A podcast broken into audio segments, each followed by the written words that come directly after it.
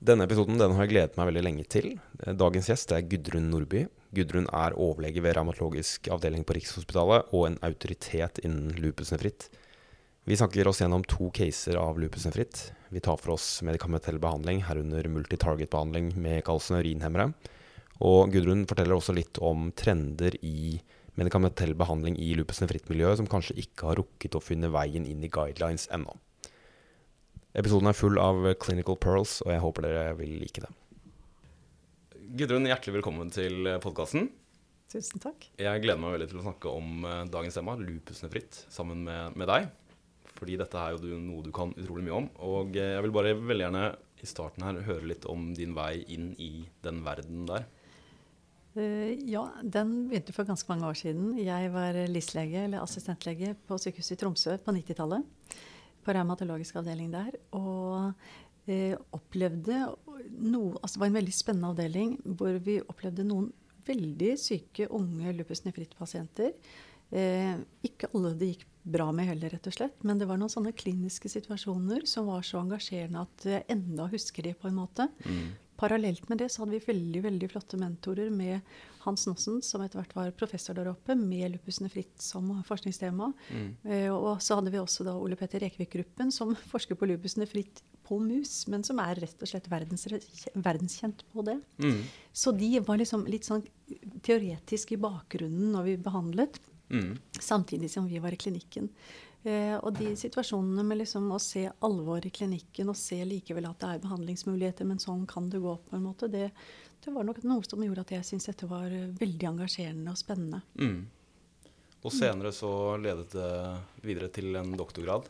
det var det det gjorde. Mm. Ja, Da jeg kom på Rikshospitalet her eh, tidlig på 2000-tallet, så var det veldig mye spennende lupuspasienter. Mm. Så skulle jeg jobbe noen måneder på nyreavdelingen her på Rikshospitalet. Mm. Og der holder de bare på med de transplanterte. De hadde jo gjennom tidene sett alle de nyretransplanterte lupuspasientene gjennom tidene, for de var jo da behandlet her. Mm. Eh, og da fikk jeg lov til å gå gjennom det materialet, sånn at jeg så på de nyretransplanterte lupuspasientene, hvordan det var gått med de. Vi kalte inn alle de som fremdeles levde, sånn at vi fikk sett grundig på nyrefunksjon, men også hjerte-karfunksjon. Mm. Eh, og så gikk vi gjennom journalene til alle de som hadde gjennomgått dette. Ja. Eh, og det var utrolig lærerikt, både lupusmessig og nyremessig. Ja. Ja, det tror jeg på. Og dette er jo en sykdom som, som rammer alle organer, så du, ved, å jobbe så mye med denne sykdommen som du har gjort, så, så har du jo kontroll på alt det ekstraordinale også, vil jeg tro. Uh, har iallfall litt oversikt, men det er jo et sykdomsbilde som er veldig mangeartet, som gjør at uh, det er mange hensyn å ta samtidig. Og det som stadig slår meg, er at pasienten som kommer inn og er nyresyk, er ofte ikke så veldig bekymret for nyrene som vi legene er. Nei. Men de er mer bekymret for f.eks. en ung jente med hårtap. Syns jo det er et mye mye større tap mm. i, i, forhold til funksjon i livet ellers osv. Mm. Eh, enn en det med nyrene, som ikke syns og ikke egentlig merkes, med mindre du har nefrotisk syndrom. Da. Ja. Mm. Og det syns jeg er ganske interessant, fordi eh, vår veldig akademiske bekymring rundt immunologien og nyrefunksjon, mm. den blir veldig teoretisk for en pasient som lider av denne sykdommen, mm. som på en måte påvirker livet på så mange, andre, på så mange ulike måter. Da. Ja, helt klart. Mm. Ok, eh, Gudrun. Jeg tenkte vi kunne ta for oss en, en case. Og uh, dette her, det er en uh, eh, 23 år gammel kvinne som uh, er tidligere frisk, som har vært plaget av diverse ting, inkludert artralgi. Hun har hatt sommerfuglutslett, hun har hatt litt hårtap og anamnestisk i hvert fall, en pleuritt. Hun har fått påvist leukopeni, hypokomplementemi og positiv ANA med sterkt positiv anti-DSDNA-antistoff. Og urinanalysene viste litt uh, utslag på blod og protein på Stix. En proteinkreatininratio på 160. Kreatinin var forhøyt på, lett forhøyet på 105 eller 110. Blodtrykket 135 over 95. Og hun ble nyrebiopsert, og i biopsien var det funn forenlig med en proliferativ lupusnefritt klasse 4. Hun er ikke gravid. Og uh, ingen andre spesielle hensyn å ta sånn sett. Uh, og jeg ser jo for meg at dette er en pasient som skal ha den cocktailen av medikamenter som inkluderer uh, mykofenolat, eller MMF, hydroksyklorokin, prednisolon og rashemming. Og jeg tenkte det hadde vært veldig fint å bare gå litt gjennom hvert av de fire medikamentene og høre litt hvordan du doserer det, hvordan du forholder deg til det. Det, det her er jo en veldig spennende case, og egentlig litt avansert case. Eh, sånn som vi ikke helt sjelden ser. Det som er litt spesielt, hvis du tenker klinikken først, eh, det er at den virker jo en, som en tilforlatelig, tilforlatelig lupus. Men eh, hvis du tenker også på det du fortalte meg, hun har kreatinin allerede nå på mellom 105 og 110, mm. så er vi jo i ferd med å ha en start på en nyresvikt. Her er det nefrontap på gang. Mm. En kvinne på den alderen, hvis hun er normalvektig, på mm. la oss si rundt 60 kg, mm. så er dette en nedsatt GFR. Ja. Og en, her skal det ringe noen bjeller hos oss allerede. Her haster det med behandling. Her kan mm. det ha stått på en stund. Eh, det samme bekreftes jo egentlig at hun er ikke direkte per definisjon hypertensiv, men 135 over 95 er jo egentlig et høyt no blodtrykk for en ung jente. Mm. Sånn at uh, dette beskriver iallfall at det er litt alvorlig med disse nyrene. Og så har hun i tillegg da klasse 4 lupus nefritt, mm. som vi vet har absolutt mest alvorlig prognose. Ja. Eh, så ja, hun skal ha behandling. Mm. Her haster det med å komme i gang.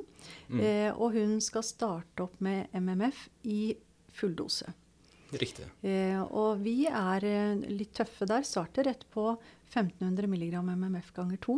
Med mindre dette er en, eh, en pasient med veldig skjør GI-traktus for bivirkninger av medisiner osv. Da går det an å starte opp med 1000 ganger 2 og øke til 1500 ganger 2 i løpet av en uke. Mm. Men hun bør egentlig starte opp med full dose. Det, det syns jeg er veldig nyttig å høre. fordi uh, erfaringsmessig så har det vært uh, Jeg har vært usikker på opptrappingen der. og Gjerne startet 500 mg ganger 2 og trappet forsiktig opp uh, over to ukers tid. Men, men, da går du rett på 1500 mg ganger 2. Fra rett på, ja. ja. Og, og, med den hensikt at her skal nefronene reddes, de som reddes kan. Mm. ja. ja. Og um, hvis du velger da, hvis det er litt ømfintlig mage, og du velger å starte med 1000 mg ganger 2, hvor raskt ser du for deg å prøve å trappe opp til 1500 mg ganger 2 da? I løpet av én til to uker. Okay. Men holde litt kontakt med pasienten. Ofte har vi sykepleiere på poliklinikken som har kontakt med pasienten i løpet av en uke eller to. Mm. Eh, hvor man får tilbakemelding om det funker, og at hun da øker i løpet av da én til to uker til 1500 ganger 2 fra 1000 ganger 2. Riktig. Er det, er det, noen situasjoner hvor du, hvor du, faktisk velger å altså La oss si at det er en litt mindre alvorlig situasjon, i den forstand man kan si det. La oss si det er en, en klasse 3 med helt normal kreatinin. Du tenker at denne personen skal ha den samme kombinasjonen av medikamenter, men hender det da at du starter lavere på MMF, la oss si 500 mg ganger 2? Nei. Jeg vil si ved etablert lupusnefritt klasse 3 eller 4, da er det indikasjon for behandling i adekvate doser. Og da må man opp i 1000-1500 mg ganger 2. Riktig. Så vi kryper oss ikke inn i den behandlingen her, egentlig. Nei. Uh, og dette har vi vel egentlig lært av transplantasjonsmedisinerne. da, At uh, når det først er behov for den behandlingen, da gir du skikkelig behandling. Ja, riktig. Mm. Og, og, hvis du starter med 1500 mg ganger 2, og det blir litt GI-bivirkninger, hvordan avgjør du hvorvidt du går ned til 1000 mg ganger 2, eller hvorvidt du skifter til, eh, til altså alternativet mm, som da gjerne blir Myfortic, da, som har angivelig litt mindre GI-bivirkninger? Hvordan, hvordan, gjør du den avgjørelsen der? Da vil man kanskje forsøke å trappe ned fra 1500 til 1000 ganger 2 før man går over til Myfortic. Ja, riktig. Ok, men da har vi MMF dekket. Hvis vi da går videre til, til um, prednisolon eller glukokortikoider Dette er da en, en, en, kvinne på 60 kg. Hvordan er det du doserer uh, steroidene i dette, denne situasjonen her?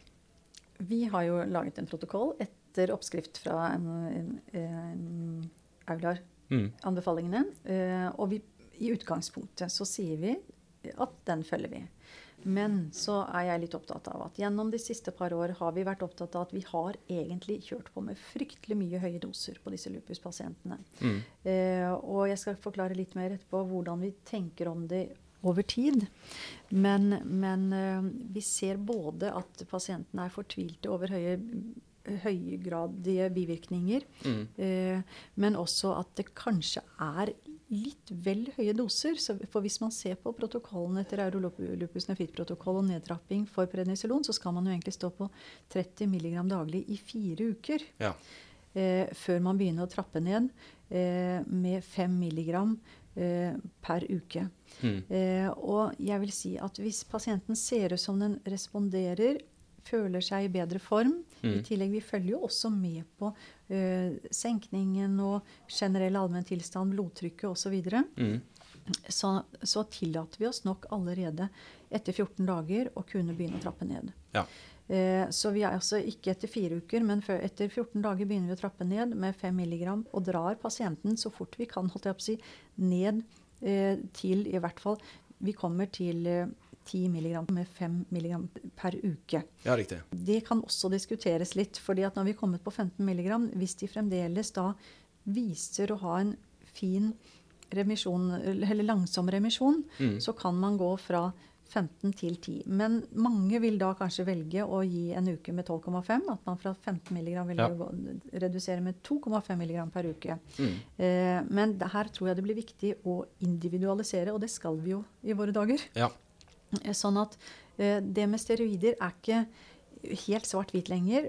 Vi tilstreber å komme oss fortest mulig ned til 7,5 mg. Mm. Fordi vi vet at bivirkningsprofilen er mye mer, eh, mye mer dramatisk egentlig over, over tid Ja. enn det det kan se ut som umiddelbart. Ja. Mm. Dette har også med at eh, Vi må huske at lupuspasientene ofte har litt dårlig compliance, og akkurat det med steroidene er jo noe av det som er vanskelig å få dem med på laget. Ja. på en måte, Mm. Som også gjør at eh, vi er litt eh, opptatt av det. Mm. Ja, men Det er veldig fint. Og da har vi en, en tabell også i, i veilederen om, eh, om dette. Om Ja. nedtrappingen. Ja. Det er jo egentlig den tabellen vi bruker når vi bruker syklofosfamidbehandlingen. Mm. Eh, men, men i utgangspunktet er det liksom den vi har brukt. Eh, men det er derfor jeg er opptatt av at den er lov til å modifisere, og her er det viktig å individualisere. Mm. Igjen, lupus nefrittbehandling den må individualiseres, og det er uh, multidisiplinært. Det er flere faggrupper som må inn, både nefrolog, raumatolog. Mm. Uh, sånn at det er ikke noe én og én lege skal sitte og, og plundre med alene. Man må ofte diskutere det Mm. i sitt fagplenum osv. Mm. Absolutt. Men før du går til prednisolonen, så gir du kanskje litt metylprednisolon eh, intravenøst eh, helt i starten der? Helt ved, når de kommer inn med sykdomsdebut og vi ser at vi må starte opp uh, behandling for ganske aggressiv tilstand, så vil vi ofte gi metylprednisolon. Mm. Tidligere sa vi et eller annet sted mellom 500 og 1000 mg IV i tre dager. Mm. I våre dager gir vi mellom 250 til 500 mg IV. Det er ikke alltid vi gir i tre dager. Vi ser hvordan pasienten responderer. Mm. Av og til kan vi kanskje gi 250 mg døgn, eh, en dag eller to. Mm. Kanskje tredje dag 125 mg før vi skriver de ut. Men, men dette kommer an på grad av sykdomsaktivitet. Mm. Det er sjelden vi har sånne pasienter inneliggende i mange dager Mm. for, å, for å gi solomidrolstøt uh, ved lupus nefritt. Det hadde vi for noen år siden, men den tiden er på en måte litt over, nå. Ja, riktig. Hvis vi da går videre til hydroksyklorokin, da, som vi vet er grunnsmøringen her, men uh, hvilken rolle har den i helt til starten her, og hvilken dose vil du, vil du startet med? Uh, Hydroksyklorokin vil vi jo egentlig alltid ha i bunnen på disse pasientene. Mm. Men her er det jo et ganske alvorlig sykdomsbilde. Det er viktig å få oversikt over situasjonen, også med tanke på at pasienten skal forholde seg til flere medikamenter. Mm. Eh, så det hender ganske ofte at vi venter med hydroksyklorokin helt initialt. Okay. Eh, sånn at pasienten får på en måte sett at uh, mykofenolat funker, at steroidene funker, og at de kjenner seg bedre på det. Mm. Eh, over tid så er det jo kjempeviktig med hydroksyklorokin. Vi vet jo at det er nyrebeskyttende. Mm. Og også beskyttende for å gå i endestadium nyresvikt, og til og med for død Ja. av dette her. Ja. Eh, så den er kjempeviktig, men det er viktig, eh, har vi erfart etter hvert, at eh, det med compliance og hydroklorokin er litt komplisert. Mm. Mange dropper den medisinen fordi at den kan gi litt ubehag. og, og sånn, Så det er viktig synes vi, å se at den andre medisineringen fungerer først. Ja. Eh, så etter to til fire uker introdusere hydroksyklorokin. Og hvis nyrefunksjonen eh, er bedre med enn GFR over 30, så kan du egentlig fulldosere. 5 mg per kilo. Ja. Men, men ellers eh, så, så vil kanskje noen av oss være litt forsiktige med kanskje bare å introdusere 200 mg ganger 1 i noen uker, og så trappe opp. Eh, det kan man egentlig velge ut ifra situasjonen. Riktig. In, Ja. Igjen individualisere det. Mm. Fordi denne grensen med GFR på 30 som du nevner, da, da er det snakk om å redusere dosen eh, altså, Kan du si litt om det? Ja, Aulers anbefalinger eh, anbefaler å redusere til 50, milli, nei, 50 hvis uh, GFR er under 30. Nettopp. I praksis så vil nok mange av oss da være forsiktige med, med hydroksyklorokin i det hele og det store. Ja. Uh, men igjen, individualisere og følg nøye med i tilfellet. Riktig. Det siste medikamentet i den cocktailen som jeg skisserte, var jo rashemming av et eller annet slag. Um, har du en, eh, et medikament du gjerne bruker, og en startdose du ofte gir, eller?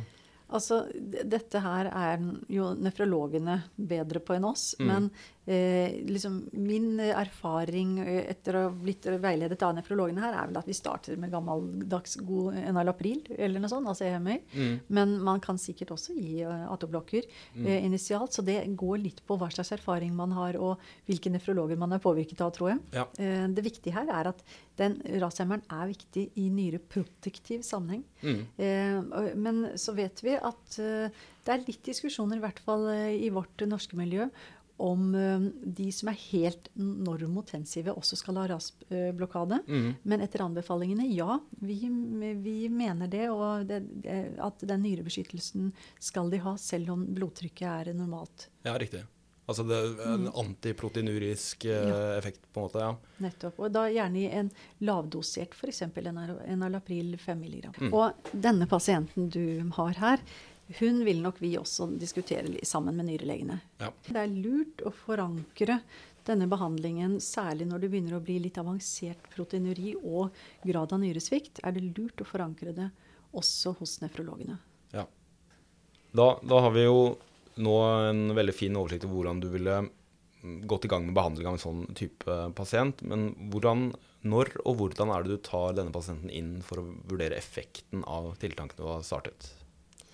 Eh, denne pasienten må følges opp tett. Mm.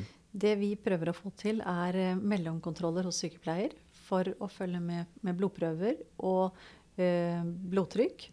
Og også at pasienten har muligheten til å snakke med noen for å se hvordan det funker å ta medisinene, Mm. eh, og hvordan de har det. Ja. Sånn at allerede etter 14 dager har de en sykepleierkontroll på poliklinikken. Mm. Etter fire uker så bør de få en time hos eh, lege. Ok. Igjen etter ytterligere to uker hos sykepleier, og ytterligere fire, fire uker deretter, altså etter åtte uker, Mm. eh, ny time hos lege. Ja. Eh, jeg må jo innrømme at det er ikke alltid vi får til å få så hyppige legekontroller, men det er målet. Mm. Eh, det bør være målet, og i hvert fall alle disse mellomkontrollene hos sykepleier. Ja. Eh, Det er flere grunner til det. Selvfølgelig er det altfor tidlig etter to måneder å si noe om, om behandlingen egentlig virker. Men eh, vi ser i noen grad hvordan sykdomsaktiviteten er. Mm. Allerede ved første kontroll etter to uker ser man om, om pasienten har det bedre. Ja. Man ser, eh, tar blodtrykk eh, og den vanlige kliniske undersøkelsen Mm. for å få inn et inntrykk av at iallfall ikke det er en forverret tilstand som man da må gjøre noe med. Mm. Eh, og etter fire til seks til åtte uker så begynner vi å se om det hele bremser litt opp. Allerede da er det forventet å se at proteinurin kanskje stopper litt opp. Mm. Det jeg syns er veldig viktig å huske på også, er at vi ser ikke bare på grad av proteinuri. For den PK-ratioen f.eks. kan variere gjennom døgnet og fra dag til dag. Mm. Det eh, vi ofte spør etter også, er hvordan er albuminen. Albuminen sier jo noe om det er stort proteintap i urinen. Ja, riktig. Er albuminen på 35, så sier de noe om at her er det ikke så stort proteintap, her er det kontroll, egentlig. Riktig. Men er albuminen på 25, da er det fremdeles et skikkelig proteintap. Da har vi ikke helt kontroll. Riktig. Det er litt viktig å få med seg. Ja. Og så selvfølgelig måler vi, tar vi kreatinin og måler nyrefunksjon Mm. på den måten. Men, men akkurat den lille greia med albumin syns jeg er viktig. Og så er det viktig at vi klinisk selvfølgelig ser etter at ikke det er ødemer, økende Mm. grad av eh, utvikling av en nefrotisk syndrom, som Mm. ikke vi ser så ofte lenger. Eh, men også følger blodtrykket. Ja. Mm. Gammeldags klinisk medisin. ja. ja, men det er veldig fint. Og eh, la oss si at når det har gått uh, tre måneder, da, f.eks. Uh, I hvilken situasjon er det du da Hvis vi går tilbake til denne casen som hadde PKR på 160, kreatinin på 110, blodtrykk på 135 over 95 og disse ekstraordinale manifestasjonene vi snakket om. Etter tre måneder, hva er det som vil få deg til å tenke at dette ikke går riktig vei? Eh, nei, altså etter tre måneder så skal vi liksom begynne å klø oss litt i hodet og se hva skjer her, liksom. Og det, hvis det fremdeles er eh, omtrent den samme grad av proteineri, men som jeg sier, hvis albuminen også er ganske lav, hvis Mm. den er godt under 30, Mm. Eh, hvis det fremdeles er høy sykdomsaktivitet generelt, da snakker jeg også litt om eh, å se på immunologien igjen. For den kan vi ta selvfølgelig ved behandlingsstart. Eh, Da tenker jeg på spesielt anti-DS-DNA og også forbruk av komplementer. Mm. Eh, det er ikke hensiktsmessig å ta hele tiden, men etter tre måneder vil vi se på det igjen. Mm. Hvis vi ser at det er liksom like høy aktivitet, Mm. eh, eh, så, så ser vi iallfall at her er det en ganske alvorlig og hardnakket nefritt. Da. Mm. da må vi begynne å tenke på om vi skal legge til noe annen, eh, annen behandling. Ja, riktig. Eh, men vi må gi det tre måneder. Nefrologene har gjennom tidene lært meg at eh, behandling av nefritt tar tid. Altså remisjon tar alt fra tre til seks til ni til tolv måneder å oppnå. Riktig. Eh, men iallfall gi det i hvert fall seks måneder. Men vi skal være årvåkne etter, et halvt, nei, etter tre måneder. Mm. Og hvis vi ser at det egentlig går litt gærne veien, da, at det blir økende grad av proteineri, da må vi vurdere om vi skal legge på uh, til det vi skal snakke om etterpå med multitarget. Riktig. Takrolimus eventuelt. Mm. Er det, ville du da vurdert å rebiopsert denne pasienten som da opprinnelig hadde en klasse 4? Eller, eh, og, altså hvis det blir et økende proteineri, du, du føler ikke at det går rett vei, er det, er det poeng å rebiopsere da, eller ikke? Hvis det er høygradig og økende proteineri, kan det være indisert. For da Mm. kan det være at vi får både en klasse 4 og en klasse 5. At vi også har da en membranøs komponent som kan være viktig å ha. Mm. Men det kan nok hende at vi allerede etter tre måneder ikke vil koste på oss en ny biopsi, også fordi at det er belastende for pasienten. Mm. Eh, sånn at eh, sannsynligvis vil vi ikke rebiopsere, men vi vil legge til behandling. Riktig. ja. Og det leder jo oss inn på da multitarget-behandling, som du sier, som jo er eh, MMF i kombinasjon med en kalsinarinhemmer. eh, og eh, kanskje vi skal problematisere det med en ny case. Eh, hvis vi ser for oss en, en annen ung kvinne som, eh, som også har slitt med noe av de øvrige ekstraordinale plagene vi har snakket om. Men eh, denne pasienten kommer med en eh, PKR på, på 400, en eh, albumin på 22 og eh, normalt blodtrykk, normal eh, kreatinin. Og eh, nyrebiopsien i dette tilfellet viste lupusnefritt klasse 5, altså en ren klasse 5 lupusnefritt. En membranøs lupusnefritt. Hvem, hvordan, vil, hvordan behandler du dem? Behandler du dem på samme måte som du ville behandlet en klasse 4 lupusnefritt? Eh, dette er et veldig godt spørsmål.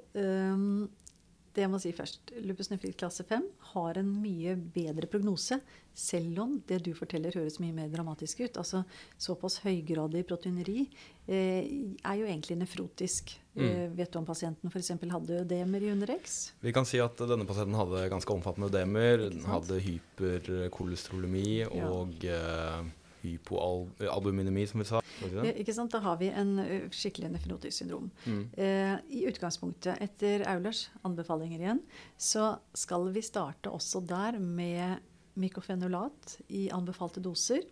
Eh, hos denne pasienten vil det også være aktuelt å gi steroider, eh, som jeg anbefalte i stad. Mm. På samme måte, egentlig, fordi at her er steroidene faktisk ganske viktige. Og rasblokladen her med nyrebeskyttelsen, men også for å dempe prote- proteinurinen, er vel så viktig som ved klasse 4, faktisk. Mm. Sånn at ja, den, vi starter på samme måte. Mm. Eh, Så er anbefalingene fra tidligere at eh, vi etter tre måneder, hvis vi ikke syns at det egentlig er god nok behandlingsrespons, og da mener jeg reduksjon av proteinuri, så legger vi selvfølgelig til en, en annen behandling. Mm. Eh, Og da går det på en CNI-hemmer, altså f.eks. takrolimus. Mm. Eh, Men grunnen til at jeg drar litt på dette, er at eh, muntlig gjennom de senere konferansene, særlig den siste lupuskongressen, eh, var man opptatt av at det kan hende at det er litt sent å begynne å legge til den takrolimusen etter tre måneder. Kanskje man skal gjøre det før, når man ser at det er veldig alvorlig proteineri, sånn som det du skisserer her. Ok.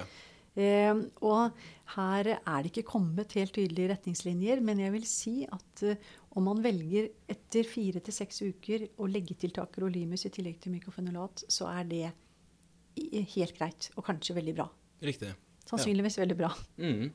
Så, men hvis du velger å først starte med MUF uten takrolimus, Mm. da sier du det at du ville startet med 1500 mg ganger to i det tilfellet der òg? Ja.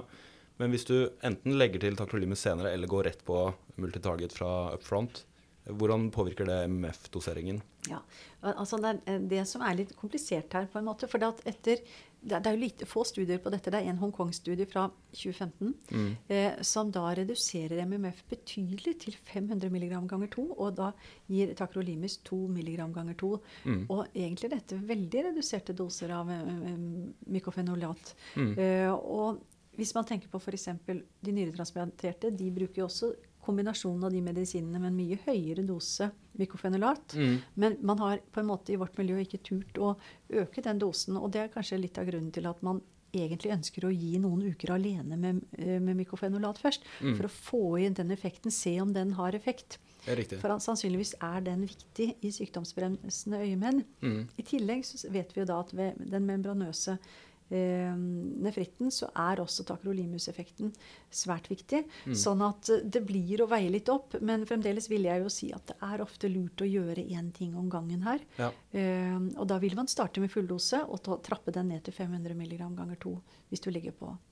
Eh, så må vi vel da innrømme også at hos noen av våre pasienter har vi tillatt oss, hvis det er ganske aktivt nefritisk bilde, at vi ikke går ned til 500 ganger 2, men 750 mg ganger 2. Riktig. Og eh, takrolimus eh, 2 mg ganger 2 fremdeles. Mm. Men igjen, disse pasientene må vi monitorere tett, mm. eh, og gjerne sammen med nefrolog. Ja. Eh, men akkurat eh, sånn som denne casen her, er den sånn jeg opptil flere ganger siste år har fått telefon om fra andre eh, helseforetak eh, rundt omkring i Norge. Mm. Men den takrolimus, for det er jo et medikament som jeg og sikkert mange med meg ikke har all verdens erfaring med å bruke. Men er det, er det 2 mg eh, ganger 2 som er standard dosering uavhengig av vekt, eller det, gjør du noen justeringer der? Eh, nei, eh, altså dette er uavhengig av vekt. Ja. Men ellers takrolimus doseres jo betydelig høyere, mm. og med da til speil her fikk vi litt skurr i mikrofonene som gjorde at jeg måtte kutte vekk et lite segment, og det var ganske dumt, fordi dette var et veldig viktig poeng, så derfor så gjentar jeg det heller nå i ettertid. Så det Gudrun sa, var at når takrolimus gis for andre indikasjoner, så gis det vanligvis i en høyere dosering enn 2 mg ganger 2. Og når den gis i denne høyere doseringen, så følger man eh, med behandlingen med et serumspeil, og har mål om å ha et speil mellom 3 og 7, vanligvis rundt 5 men her i multitarget-behandling av lupusenfritt, så gis da takrolimus i en lavere dosering, altså 2 mg ganger 2, og man vil da forvente at serumspeilet er betydelig lavere enn mellom 3 og 7. Da setter jeg tilbake til deg, Gudrun. Så med 2 mg ganger 2 så, så, tar du ikke speil, er det sånn å forstå? Eller? Nei, altså vi velger nok av og til å ta en til C0 ja. allikevel for ja. å se, og som regel vil den være veldig lav. Okay. Ja. Jeg har lyst til å nevne en ting til. Mange av disse pasientene som vi har snakket om før, de har jo ofte både lupus nefritt og utslett og andre ting parallelt med dette her. Mm.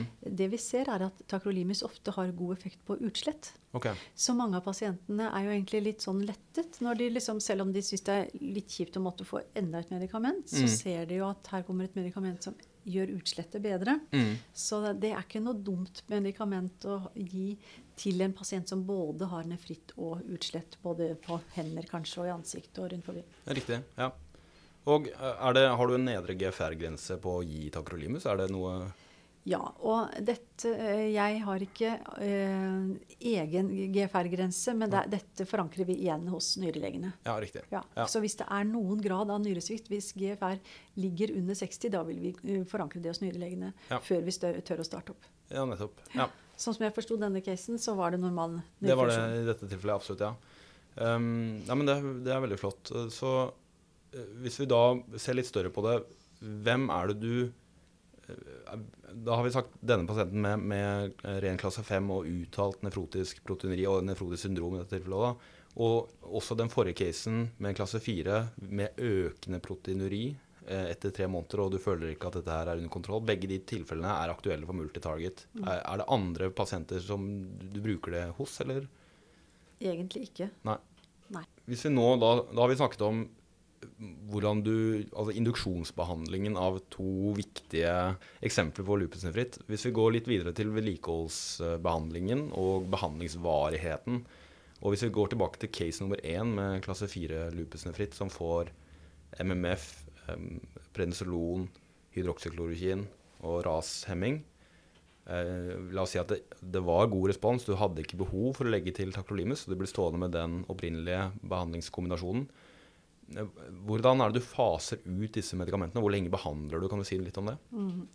Eh, det som er at det vi er mest opptatt av å trappe ned først, er naturlig nok steroidene. Mm. Få de ned så snart som mulig mot 5 milligram. Mm. Eh, det vet vi også at eh, prognostisk i forhold til langtidsbivirkninger av steroider, som ikke er helt uskyldige, eh, så er det viktig å få det ned mot 5 milligram. Så det er det vi ser på først. Og det ja. monitorerer vi også selvfølgelig ut fra proteinuri og eh, sykdomsaktivitet generelt. Mm. Eh, sånn at eh, det er det, det, er det, viktigste. Og i, innen første halvåret så håper vi jo at de fleste er nede på 5 mg. Men erfaringsmessig så er det nok mange som ligger et eller annet sted mellom 7,5 og 10 mg. Ja. Eh, fremdeles fordi at det er høy sykdomsaktivitet. Mm. Men iallfall årvåkenhet på steroidene. Ja. Ja. Så kan det nok hende at pasienten, selv om den går i veldig gradvis remisjon, at, skal, at man skal vente med å redusere mykofenolat til det er gått ja, seks til tolv måneder mm. uh, i, i, en sånn stabil fase. Riktig. Uh, og, de, og, da kan det hende at man kan tillate seg ja, etter tolv måneder å gå ned til 1000 mg ganger to. Riktig. Uh, og denne behandlingen skal de nok stå på i flere år. Ja. Så er det dette her med langtidsbehandling, fordi at Aulers anbefalinger gir jo anbefaling om å stå på denne behandlingen i fem til seks år. Mm. Vi har jo litt kortere anbefalinger. Fra OUS så har vi erfaring med at rundt 36 måneder så kan man begynne å sepanere. Okay. Noen vil si at dette er tidlig. Og uh, erfaringsmessig, hvis vi har fulgt opp pasientene våre veldig tett og ser at, at de er i fin remisjon, mm. så har det fungert. Men uh, det forutsetter jo et godt behandlingsopplegg hvor pasienten ikke faller ut av uh, kontrollopplegg. Mm, ja. mm. Sånn at vi må bare huske at internasjonalt så er det fremdeles eh, anbefalt å behandle i veldig mange år. Mm. Uh, men det vi ser, er at noen av disse her blir jo også litt overbehandlet. De har infeksjonsfare. Mm.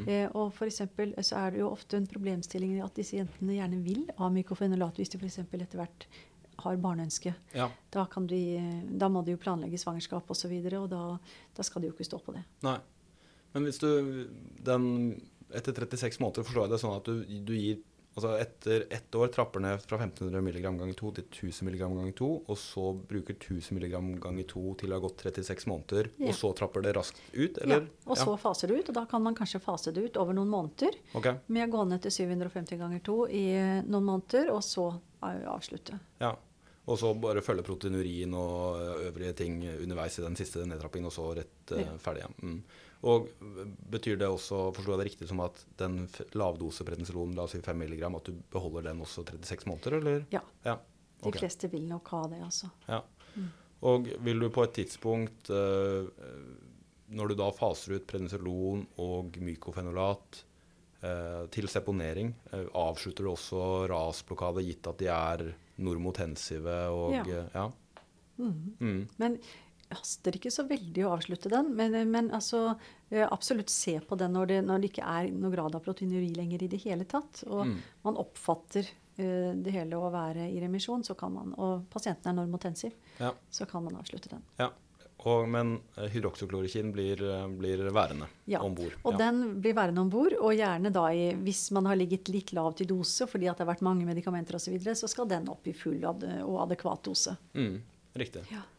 Og hvis vi bare kort nevner den casen med, med, med takrolimus også, da, mm. eller med, med multitarget-behandling mm. um, Jeg antar at nedtrappingsplanen er tilsvarende, men at på et eller annet tidspunkt så må du ta stilling til når takrolimus eh, skal vekk? Er det noe Ja, og det er et veldig godt spørsmål, fordi eh, skal, hva skal vi ta vekk først? Skal ja. vi ta bort eh, takrolimusen eller mykofenolat? Mm. Eh, Vanligvis vil det høres mest naturlig ut å ta vekk takrolimus også, fordi at den kan være en større uh, nyrebelastning også. Mm. Men som, uh, sånn erfaringsmessig så er det noen av pasientene som uh, har hatt så effekt av takrolimus på andre lupusmanifestasjoner, som jeg sa, eksempelvis utslett, mm. at vi har valgt å seponere fikofenolaten først. Ja. Eh, og det har fungert veldig bra. Mm. Eh, og det diskuteres også nå om man til og med i noen tilfeller skal gi kun takrolimus ved en lupus nefrit klasse 5. Eh, Ja. Sånn at det er ikke helt unaturlig å, å si at takrolimusen er den du skal beholde. Mm. Når du har hatt en klasse 5 og i tillegg har eh, og hatt multitarget, da, men i tillegg har en del utslett osv. Så, Ja. Mhm. så se an hvilken situasjon man har, Mm. eh, men også om det er andre tilleggsmomenter som gjør at det er heldig å fortsette med takro. Ja, riktig. Når du sier nå at vi velger å ta vekk ett av de medikamentene i multitarget, Ja. eh, er dette underveis i den første 36 månedersperioden, eller er det etter det at du på en måte Det er underveis. Underveis, ja. Ja, Mm. Og det er nok ingen som skal stå i 36 måneder på multitarget. Nei. Det kan bli lenge, og da er det i hvert fall veldig viktig å følge det veldig veldig tett. Mm. De fleste vil uh, komme i remisjon i løpet av hva skal vi si, 12 til eh, 18 måneder Mm. med en sånn, eh, hvis det er en sånn eh, klasse 5-situasjon. Ja. Men det varierer selvfølgelig også. Men, men det er nokså sjelden at de trenger 36 måneder med fulldosert multitarget. Ja. ja, det gir jo mening. Så la oss da si at du, du, du induserer med multitarget, eller personen får en induksjonsbehandling med multitarget, og du etter eh, la oss si 6 eller 12 måneder velger å ta vekk MMF, står igjen med takrolimus eh, 2 mg ganger 2 i kombinasjon med hydroksyklorokin og prednisolon. Mm. Idet du er på det punktet hvor du tenker at eh, behand- vedlikeholdsbehandlingen kan avsluttes, la oss si etter 36 måneder, eh, bråseponerer du takrolimus da, eller må du via en lavere dose? Hvordan gjør du det? Du kan bråseponere. 2 mg ganger 2 er egentlig en ganske lav dose av takrolimus. Ja. Eh, så så sant det er et helt fredelig sykdomsbilde, så kan man eh, bråseponere. Ja. ja, men det er veldig fint å vite. Kan jeg få nevne en ting til? Veldig gjerne. I 2020 ble Bellilumam godkjent også ved lupus nefrit. Ja. Så kan folk lure på ja, men hvorfor skal vi begynne å bruke det i tillegg. Mm. Eh, de gangene vi legger til Belilumab i tillegg til pågående behandling som vi allerede har snakket om, Mm. det er hos pasienter med fryktelig høy sykdomsaktivitet, hvor vi ser at det immunologiske bildet med forbruker forbruk av komplement, fremdeles er vedvarende høyt etter mange måneder. Mm. Vi tror jo at det er med på å drive sykdomsbildet. Mm. Eh, da hender det ikke helt sjelden at vi også legger til det. Riktig. Eh, da er vi inne i ganske avansert multitarget. Ja. Disse pasientene får jo da hydroksyklorokin, eh, steroider, MMF, takrolimus og belilumab. Altså Ja. da har du fem eh, immunsuppressiva fra ulike kanter av immunforsvaret. Mm. Eh, vi har noen veldig vellykkede situasjoner hvor dette her på en måte har eh, lagt lokk på også immunologien. Eh, som vi ser at de andre medikamentene selvfølgelig gjør i noe grad. Mm. Men disse pasientene de får jo en øket infeksjonstendens. Ja. Så de må følges opp tett. De må være vaksinerte i forkant. Mm. eh, og, og de må informeres om å ta kontakt f.eks. ved feber og andre ting. Ja. Men, men som sagt, det er en mulighet. Og selvfølgelig er det ikke noe vi ønsker over lang tid. Nei. Men, men eh, vi har noen eksempler på at dette har vært eh, egentlig en veldig, veldig god kombinasjon. Og det vi er litt stolte av, er at dette turte vi å starte opp med før det ble anbefalt Ja. i, i de store internasjonale sentrene. Ja. Eh, og det, det er litt fordi vi også forankret det hos eh, vårt transplantasjonsmedisinske miljø her, hvor de egentlig er vant med å gi mye immunsuppresjon på Ja. en gang. Mm. Eh, så vi har noen eksempler her som eh, har virkelig gått i fin remisjon først da vi la på Belulumab på toppen. ja. Stilig. Mm. Mm. Men igjen, her må man da samarbeide med nyrelegene, Ja. men også ha pasienten veldig tett på. Mm. Ja. Ja.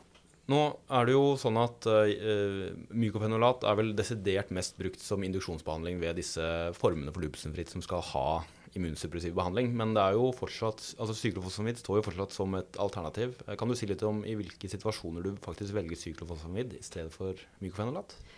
Ja, eh, en del pasienter uh, er vanskelig å få i remisjon, så vi, det er veldig sjelden at vi starter med syklofosfamin. Mm. Men der hvor det er høy sykdomsaktivitet, og vi ser etter tre måneder at det skjer i grunn ingenting, pasienten er høyaktiv fremdeles, Uh, høygradig proteinuri og klinisk påvirket, Mm. så vil vi vurdere.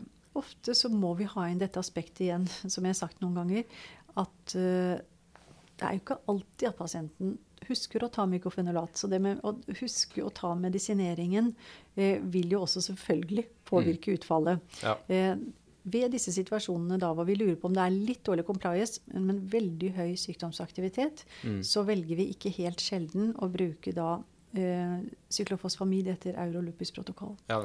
Eh, de er likestilte i forhold til eh, effekt, mykofenolat og, og syklofosfamid. Mm. Eh, men vi vet jo at det er mye mer tungvint administrering, og det er jo selvfølgelig bivirkninger og påvirkning av gonader osv. som gjør at syklofosfamid ikke er så greit å bruke. Men vi vet at pasienten får inn medikamentet, Ja. og vi får en tett oppfylling. Mm. Eurolupus-protokollen gis jo da med syklofosfamid i en fixed dose, Ja. som vi sier, 500 mg hver annen uke i totalt seks doser, altså i tre måneder. Mm. Totalt får pasienten tre gram Ja. Syklofosfamid. Det er ikke en veldig høy dose. Eh, og hvis man tenker på f.eks. påvirkning av gonader hos unge kvinner under 30, så vil de sannsynligvis ikke være affisert. Nei. Det er viktig å vite og viktig å si til pasienten. Ja. Det er liksom det vi først og fremst skal tenke på. Ja. Eh, Men det som gjør at vi ikke helt sjelden velger den behandlingsmodaliteten, er at da får vi tettere oppfølging av pasienten. Vi er sikre på at medikamentet kommer inn. Mm. Effekten tar jo litt mer tid. Ja. Eh, Men, men vi ser at eh, noen ganger så er nok det veien å gå når vi har en følelse av at dette er en pasient som er litt vanskelig å få til å komme til kontrollen, og, og ikke er så motivert for å ta tabletter. ja, riktig. Ja. Ja, men veldig nyttig. Men jeg må jo også si det er jo når det er et ganske alvorlig sykdomsbilde, f.eks. sånn som den første kasuistikken du nevnte. Ja, Hvor på en måte den forverringen etter tre måneder, da, har du, da, forstår jeg det sånn at du står i to eller to valg, enten legge til takrolimus på toppen, Ja. eller skifte MMS til syklofosamid. Ja. Um, men, eh, men at det er en, sikkert er en kompleks og individuell vurdering. eh, Ikke sant? For ja. vi vil jo heller legge til takrolimus. Det er mye enklere. Men Ja. hvis det allerede er en mistanke om at pasienten kanskje ikke tar medisinene, Mm, eh, så er det lurere å legge inn eh, med Eurolupus-protokoll. riktig. Eh, Det siste temaet jeg tenkte å, å spørre om, er dette med, med rebiopsi. Fordi vi vet jo at eh, pasienter kan skifte klasse, og vi vet jo at det kan utvikles eh, irreversible forandringer tilsvarende klasse 6. Eh, Kan du, klarer du å si litt om, eh, om litt sånn generelt om når du tenker på å rebiopsere disse pasientene? Ja, jeg har bare lyst til å si at Det er en god europeisk og i hvert fall god nordisk tradisjon på at vi har en ganske lav terskel på å rebiopsere. Mm. Rett og slett fordi at vi ved lupus fritt vet at de kan transformere underveis. Altså Mm. en klasse 4 kan bli til en klasse 3 og en klasse 5 Mm. osv. Og det får jo litt konsekvens for behandlingen. Ja. Eh, Det som er interessant, er at når vi er på internasjonale fagmøter, så har vi amerikanske kolleger som mener at det er bare tull med all den biopseringen som vi holder på med i Europa. Ja. Mener at det får ingen konsekvenser. Du velger jo egentlig de samme medikamentene uansett. Ja. Så dette er ikke Siste ord om dette er nok ikke sagt, men det, det vi må huske bare å si, er at eh, det forutsetter jo at du har et senter hvor komplikasjonsraten ved å gjøre en biopsi er lav. Ja. Og det har vi jo ved de fleste eh, sykehusene rundt omkring som behandler dette her. Det er jo viktig. Ja. At ikke biopsitakingen blir farlig. Nei, nei. Eh, Men uansett, rebiopsi, ja, det gjør vi når vi lurer på om vi egentlig er på sporet av behandlingen. Er det nå en stor transformasjon, eller når vi har holdt på med en behandling, la oss si to til tre år, Mm. og vi har egentlig følelsen av at sykdomsaktiviteten ikke er så høy, men proteinurien vedvarer, Mm. da lurer vi på er det en kronisitet her. Mm. Og den kan vise seg som proteinuri før kreatininen stiger. Ja, riktig. Eh, og det betyr jo litt, for det sier jo litt om skal vi fortsette med tung immunsuppresjon, eller skal vi slippe litt opp på den? Ja. Eh, og i de, sånne situasjoner så forsvarer vi å gjøre en reurbiopsi fordi at det får behandlingskonsekvens. Ja. Men det er klart, hele indikasjonen er jo at det skal få en behandlingskonsekvens, Mm. denne biopsien. Det er jo ikke bare for å se hvordan det går, på en Nei. måte. Nei. Nei. Tidligere var det noen som, I noen miljøer så ønsket man å gjøre en biopsi nærmest som en protokollbiopsi for å se, for, for å få en oversikt over, over situasjonen. Men det blir mer en sånn forskningssammenheng. Mm. Sånn at eh, det er hvis, hvis man er usikker på om behandlingen funker. Ja. Nå har jeg lært eh, veldig mye om lupusnefritt. Eh, Er det noe du avslutningsvis eh, vil si som en slags oppfordring til eh, oss klinikere som jobber med dette rundt omkring? Ja, eh, det jeg først og fremst må si, er at ikke sitte og jobbe med en så avansert lupuspasient som vi har snakket om her, alene. Eh, disse pasientene må diskuteres i fagmiljøet, og gjerne også da, som jeg sier, med andre fagmiljøer, sånn som f.eks. nefrologene. Ja. Det er vanskelige situasjoner. Vi kan følge protokollet, men to pasienter er ikke like. Eh, så, så ikke, ikke tenk at man skal løse alle disse oppgavene eh, som solospesialist. Eh, det tenker jeg er ganske viktig. Mm. Eh, det, men det vi, vi må liksom ha i mente, det er at disse pasientene er som regel ganske unge. Mm. Eh, de er eh, midt i livet på den måten at de, vi vet at det med compliance er ganske utfordrende. Mm. Det å få de til å ta én medisin, to medisiner, tre medisiner går an, men etter hvert jo mer vi legger på, jo mindre sannsynlig er det at de tar alle sammen. Ja. Så vi må ha det litt i bakhodet. Så kan du si det er jo en selvfølge å ha tenkt på det. Mm. Men akkurat med disse unge pasientene så er det litt viktig. Ja. Eh, og så må vi også huske at i det bildet at man har en litt alvorlig lupus, så har man nok også en viss CNS-affeksjon. Ja. Selv om vi ikke har, det er det vi skal snakke om i dag. Mm. Men det vil også kunne påvirke pasienten litt kognitivt. Ja. Men også i forhold til det med hva som er viktig og ikke viktig. Mm. Det må også has i mente med hvordan vi medisinerer. Ja. Mm. Vi må ikke gjøre dette for komplisert. Det er komplisert for oss, og da kan vi tenke oss hvordan det er for pasientene. Mm. Eh, og så tenker jeg at vi må se hele pasienten Mm. eh, som, i det kliniske blikket, men også se litt fremover med pasienten. Eh, selvfølgelig nevne det med å spørre de om de har svangerskapsønske, og hvordan de har tenkt det. Ja. For vi må tørre å si litt om hva akkurat denne alvorlige sykdommen betyr i den sammenheng. At man må utsette et sånt ønske. Mm. At eh, medisinene vi kan påvirke, kan være farlig å bli gravid med. Ja. Eh, Det er sånne ting som er litt kjedelig å ta opp når pasienten egentlig ikke har spurt om det, men Mm. eh, det hører med. ja.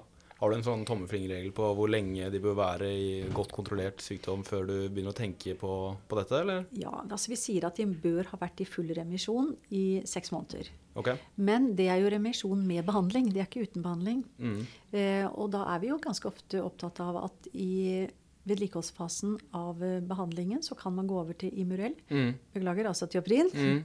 Eh, og da er det fullt mulig å kunne bli gravid på acetoprin f.eks. Og, og hydroksyklorokin og, og prednisolon. Ja.